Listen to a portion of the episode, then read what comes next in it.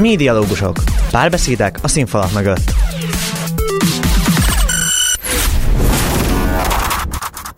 Köszöntöm az első Pesti Egyetemi Rádió hallgatóit, én Mező Dóri vagyok, ez itt a Médialógusok, a Média Tanszék saját podcastja. Mai adásunkban egy szerintem sokak által kevéssé ismert, vagy éppen félreértett területről fogunk beszélgetni, és ez pedig a HR.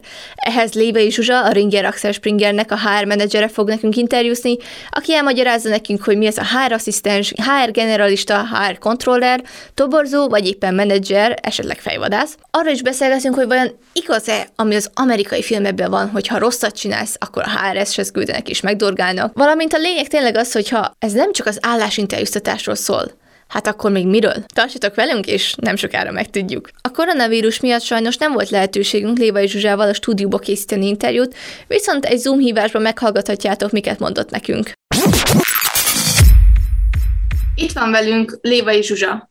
Sziasztok! Ha jól tudom, 2018 óta dolgozol a Ringier Axel Spirgennel HR menedzserként, és 2019-ben megnyerted az Employer Branding Award díjat. Hogyan tudtál ennyi idő alatt ekkora sikert elérni? Hát tulajdonképpen én 2018 végén érkeztem kiadóhoz, úgyhogy ez, ez nem, az igaz, nem igazán az én sikerem, hanem a kollégáké. És mi is ez a díj pontosan? Ezt egy vállalati képzésért kaptuk, ami egészen egyedülálló, aminek az a neve, hogy Digital Media Campus. A médiában újfajta trendeket mutatunk be a kollégáknak, ezzel javítva az ő piacképességüket és az elköteleződésüket a cég iránt. Ugye itt ez a kiemelkedő munkáltatói márkaépítés is a része. Hogy tud a HRS márkát építeni? Hát a HRS-nek nagyon fontos szerepe van a márkaépítésben szerintem, mert kifele kommunikál minden cég valamit a márkáról, hogy, hogy ő milyen.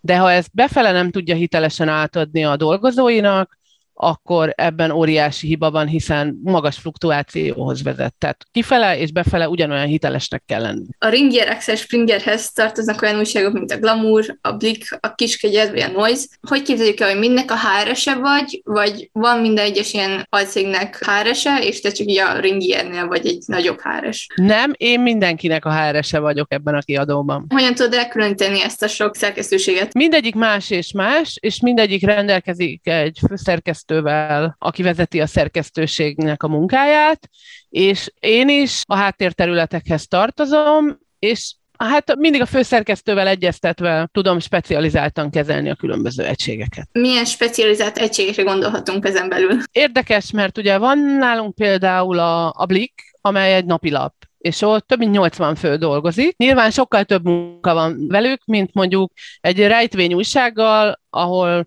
tizen dolgoznak 20 éve, és 20 éve ugyanaz a csapat majdnem, és mindent tudnak egymásról. És a Bliknél például mindig jönnek új emberek, azokat mindig be kell építeni a csapatba, mindig fogni kell egy kicsit a kezüket, meg segíteni nekik. Hogyan tud segíteni nekik? A HR ugye mindig az első, akivel találkozik egy munkavállaló a szervezetben, mert ugye a HR-nek egyéb más szerepe mellett rengeteg administratív szerepe van, tehát mi csináljuk a munkaszerződéseket, a munkaköri leírásokat, mi vesszük fel az adónyilat, nyilatkozatokat. Ez rengeteg olyan papírmunka, ami nagyon fontos, mert hogy van rá egy törvény, hogy ezeket a papírokat például 50 évig meg kell őrizni. Ezáltal ugye ő bejön a céghez, és ugyan állam kezd szinte. És akkor engem ismer elsőnek, és valahogy mindig mindenféle kérdéssel visszatérnek hozzám, mert én vagyok a legelső arc, akit megismertek a cégben. Úgyhogy ezért fontos, hogy én is tisztában legyek, mondjuk ilyen egyszerű kérdésekkel, hogy szeretne egy tollat, hogy honnan tud mondjuk szerezni egy tollat, mert hogy ilyenek merülnek fel meg, hogy hol kapja a belépőkártyáját, hol kapja meg a laptopját, hol lesz a munkahelye, és akkor így ezért mindenben gyakorlatilag vissza-visszatérnek hozzám. Neked mielőtt elkezdtél itt dolgozni, volt hr tapasztalatot, vagy itt csöppentél bele ebbe a világba? Nem, nem. Én 2009-ben kezdtem el HR vezetőként dolgozni, és már előtte is HR vezető alatt dolgoztam asszisztensként. Tudatosan hr szerettem volna lenni? Engem ez, ez megtalált, de már elég korán. 2006-ban kezdtem el én a pályafutásomat a munkaerőpiacon, mint majdnem mindenki akkor egy ügyvezető mellett kezdtem asszisztensként, és egyre több feladatot bíztak rám, és látták, hogy ez úgy fekszik nekem, tehát, hogy meg tudom beszélni a kollégákkal, ha kell valami, ki tudom számolni nekik a bérüket, Például ilyenekkel is mindig megkerestek. El tudom mondani, hogy a probléma van velük, milyen probléma van velük, hogyan tudnának fejlődni. És akkor ez így így megtalált. Miért pont a HR? Ez csak azért kérem, hogy tudom, már mondtál pár példát erre, de sok szaktársam van kommunikáció média tudomány, akik szerintem nincsenek teljesen tisztában azzal, hogy mi is pontosan az a HR, és hogy hogyan találhatja meg őket ez a szakma. Ugye sokan azt szokták mondani, hogy azért, mert ez emberekkel foglalkozik, de én nem azt mondanám, hanem inkább azt, hogy ma már a HR egy ilyen stratégiai pont, amiért érdemes választani, mert hogy egyre több ügyvezető látja azt, főleg így a home office-ban a szükségességét annak, hogy legyen egy stabil HR, hogy az emberek bizalommal tudjanak hozzáfordulni, hogy segítse az embereket ilyen mindennapi problémákban, mint például, hogy elszámolták a bérem, szeretnék fizetésemelést, szeretnék előrelépni mondjuk a szervezetben. A szervezetet is fel kell mérni, hogy milyen pozíciókra le van szüksége, most, és mondjuk azt is látni kell, hogy mondjuk egy év múlva milyen pozíciókra van lesz szüksége egy szervezetnek. Ezért ajánlanám azoknak, akik ilyen komplexen, mert hogy van matematikai része is,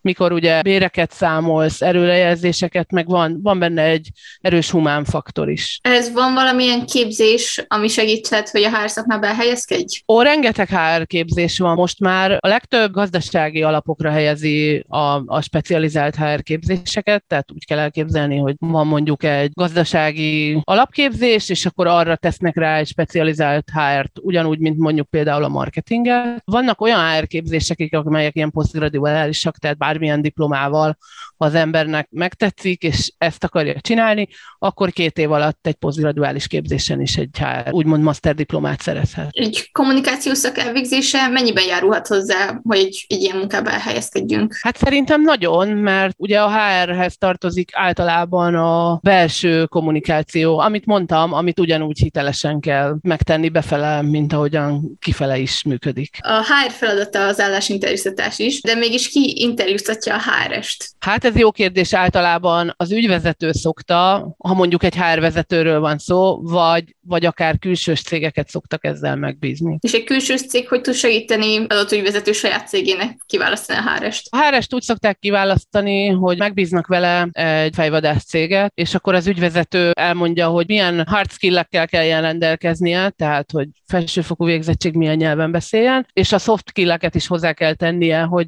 hogy az ügyvezető maga hogy képzeli el ezt az embert, és akkor ezt azért szokták külsősre bízni, mert hogy mondjuk egy ügyvezetőnek erre nem, egy nagyobb szervezetben nem nincsen ideje, és egy külsős cég, amely ezzel foglalkozik, ott általában ilyen pszichológus végzettségű szakemberek foglalkoznak ezzel, és ők választják ki a HRS-t. De láttam már olyat is, hogy valaki elment egy cégtől, mint HRS, és akkor ő saját maga választotta ki az utódját. Most említettél az pár skillt, szerinted mi azok a legfontosabb skillek, amikre a HR-esnek szüksége van? Türelmesnek kell lennie, végtelenül.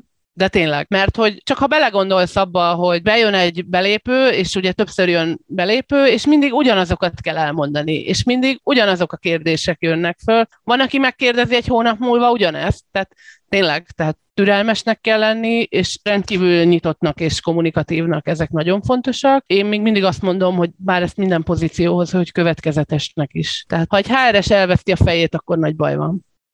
Mondtál már sokfajta munkát a hr belül, mint hogy a HR asszisztens, fejvadász, HR menedzser. Mik ezek? Egy kicsit ki tudnál fejteni, hogy mik a különbségek ezek között? Igen. Például a HR asszisztens, ő általában administratív dolgokkal foglalkozik, az úgynevezett papírmunkát végzi, amit régen munkaügynek hívtak. Tehát munkaszerződések ezeket rendben tartja, karban tartja, megnézi, ha hiányzik valami, akkor addig jár utána a munkavállaló, vagy a vezetőjének a nyakára, amíg ezek el nem készülnek ezek a dokumentumok. Ugye léteznek HR generalisták, ők mindennel foglalkoznak, tehát a, a képzéstől, a papírmunkán át egészen a tervezésen keresztül, és akár még a HR controllinggal is. Nagyobb cégeknél ugye vannak külön HR kontrollerek, ők szinte csak a, a számok világában élnek, mint ahogy a kontrollerek is azt nem hiszem, hogy egy kommunikációs szakos hallgatónak a kedvence lenne, illetve ugye vannak külön a toborzásért felelős kollégák. A fejvadász az, ugye cégeknél nem igazán szoktak fejvadászokat alkalmazni, csak nagyon nagy cégeknél, azok inkább ilyen külsős cégek és, és a toborzó kollégák, ők tényleg csak azzal foglalkoznak, hogy álláshirdetéseket tesznek föl, önéletrajzokat néznek át, interjúztatnak, és ugye ott is úgy van egy, egy szervezetben, hogy hogy ugyanúgy, mint mondjuk, ahogy az előbb elmondtam, hogy mit csinál egy fejvadász, a, a belső toborzónak is ugye leírják, hogy mikkel kell rendelkezni a, a jelöltnek, és akkor erre próbál meg a, a toborzó találni a szervezeten belül embert. Az amerikai filmekben ugye nagyon sokszor azzal vannak poénok, hogy jaj, hát egy munkatárs rosszat csinált, és akkor küldik a HRS-hez megdorgálásra. Ez való életben is így van, vagy csak a filmek kifigurázása? Ez szerintem csak a filmek kifigurázása mert én azt gondolom, hogy ha egy munkatárs rosszat csinált, és, és a HRS lesz az első, akitől visszajelzést kap, akkor nem jól működik a szervezet, hiszen van neki egy felettes vezetője is. De egyébként igen, láttam olyat is, ahol, ahol mondjuk félnek az emberek, ha megjelenik mondjuk a HRS. Ölet fejtek valaha? Remélem nem. Ugye te már elég régóta dolgozol ebbe a szakmába. Kialakult már nálad valamilyen megszokott kérdés, vagy nem tudom, hasonló kis fogás, amivel nagyon hamar le tudod vágni, hogy na, ez milyen fajta ember, és ez jó a céghez, vagy sem? Nem igazán, azt kell, hogy mondjam, mert minden ember más és más, és, és minden típusú személyiséget máshogy kell kérdezni.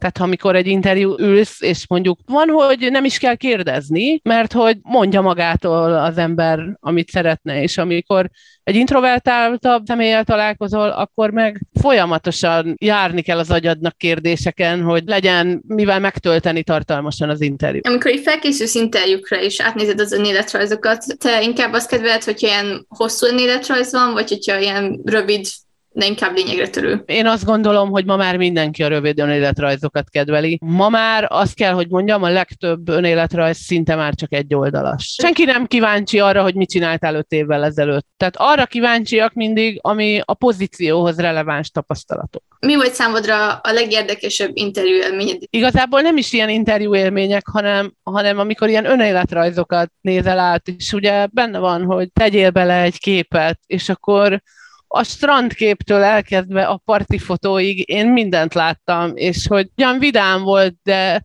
de szomorú is, mert egyben, mert ugye ma már mindenki tudja, hogy azért az önéletrajzba berakott képed azért, na, az ne egy bikinis fotó legyen, amin hátulról átölelnek a tengerparton. Tehát egyébként ez nagyon megmarad bennem, ez nagyon régi élményem, de, de ez, ez nagyon. Interjún, hát láttam már sok minden. Olyat is, hogy valaki kiszaladt, mert útközben rájött, hogy ez, ez őt nem, nem érdekli mégsem.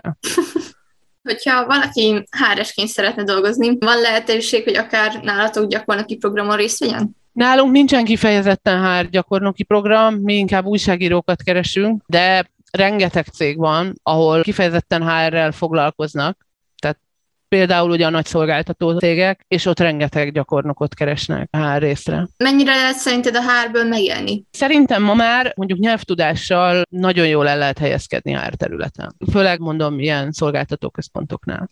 Ez a nyelvtárs azt jelenti, hogy Magyarországról kell ilyen külföldi kliensekkel foglalkoznod, vagy hogy inkább az, hogy akár rögtön külföldön helyezkedni? Nem, az, hogy nagyon jók vagyunk Magyarországon, hogy sok fiatalunk van, akik nyelveket beszélnek, és ezért rengeteg szolgáltatóközpont van, tehát ott Magyarországról külföldi klienseket szolgálnak ki. És szerinted mekkora esély van, hogy magyarként külföldön legyünk háresek? Hát szerintem az, az nehezebb.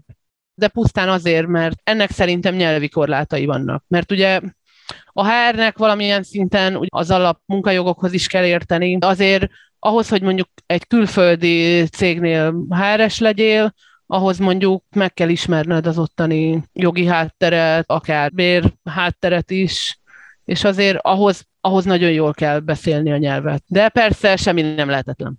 Van esetleg valamilyen szakmai titok, amiről ha HR-re gondolnánk, sose gondolnánk, hogy ez bele tartozik? A HR az egy ilyen bizalmi pozíció, és ezáltal az összes szakmai titok ott van, tehát ott tudod, hogy valaki felmond, ott, ott jelenik meg először, akkor is, ha mondjuk úgy mond föl, hogy, hogy kéri, hogy ezt bizalmasan kezelje a cég, és nem mondja el a többieknek, tehát a HR az nagyon sok titkok őrzője, hiszen szoktam mondani, ugye az összes kollega bérét is ismered, nyilvánvalóan ezeket az információkat megfelelően kell tudni kezelni. Mégis hogyan lehet eltitkolni, hogy valaki felmond, az úgy értem, nem tűnik fel a munkatársaknak, hogy bár nincs ott? Hát ez attól függ, mert ha azt mondja, hogy én, én szeretnék majd fél év múlva máshova menni, de egy idő után csak feltűnik. Tehát olyan még nem volt, hogy eltitkoltad, hogy felmondott, és egyszer csak másnap nem jött valaki. Tehát de hogy az elején azt vannak, akik kifejezetten kérik, hogy ez maradjon bizalmas információ. Mit tudsz javasolni a hallgatóknak, akik itt meg ki akarják próbálni magukat? Hogy menjenek el, jelentkezzenek egy gyakornoki pozícióra, és nézzék meg, hogy fekszik-e nekik, hiszen köztudott, hogy életünk során legalább kétszer-háromszor váltunk szakmát, és ez nem baj, de ne legyen az bennük, hogy hú, én HRS akartam lenni, de sosem próbáltam meg, vagy én HR-t végeztem, és HRS leszek, de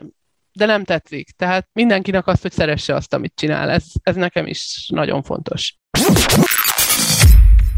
Köszönöm, hogy itt voltál velünk. Én is. Nektek pedig megint csak köszönöm, hogy meghallgattatok. A mai epizódban Léva és Zsuzsa beszélt nekünk a HR munkáról, milyen is HR menedzsernek lenni, mi az, hogyha nem csak állásinterjú, és olyan érdekességet is megtudtunk, hogyha a HR-es állásinterjúztat, mégis kiállásinterjúztatja a HR-est, de azt is, hogy miért nem csak állásinterjú ez a munka, és milyen sok más része van ennek. És tényleg olyan dolgokkal is foglalkoznia kell, ami nem feltétlenül tartozik bele egy HR munka leírásába. Ezután a rész után nagyon tetszik a kifejezés, amit az egyik interjú alanyom mondott, egy újabb misztikumba foglal bevezetni titeket, mégpedig a PR és a marketing világába. Ebbe a dupla epizódba először a Red Lemon médiától jön el Mészáros Barbara, aki a PR account manager. Ő fogja elmesélni, hogy szerinte egy PR-os szerint mi a különbség a PR és a marketing között, viszont a dupla epizódunk második részében éppen az ELTE kancellária marketingesét ismerhetjük meg, aki meg elmondja, hogy marketinges szempontból szerintem mi a különbség a PR és a marketing között. Természetesen mind a két munkás szokásosan bemutatjuk, valamint mind a két helyen megismerhettek újabb gyakornoki lehetőségeket, amivel élhettek, ha a kommunikáció és a média világában akartok dolgozni. A média lókusok elköszön, én Mező Dóri voltam, sziasztok! A műsort készítette Mező Lilla Dóra, Első Pesti Egyetemi Rádió 2021-2022. A műsort támogatta a Nemzet Fiatal Tehetségeiért program.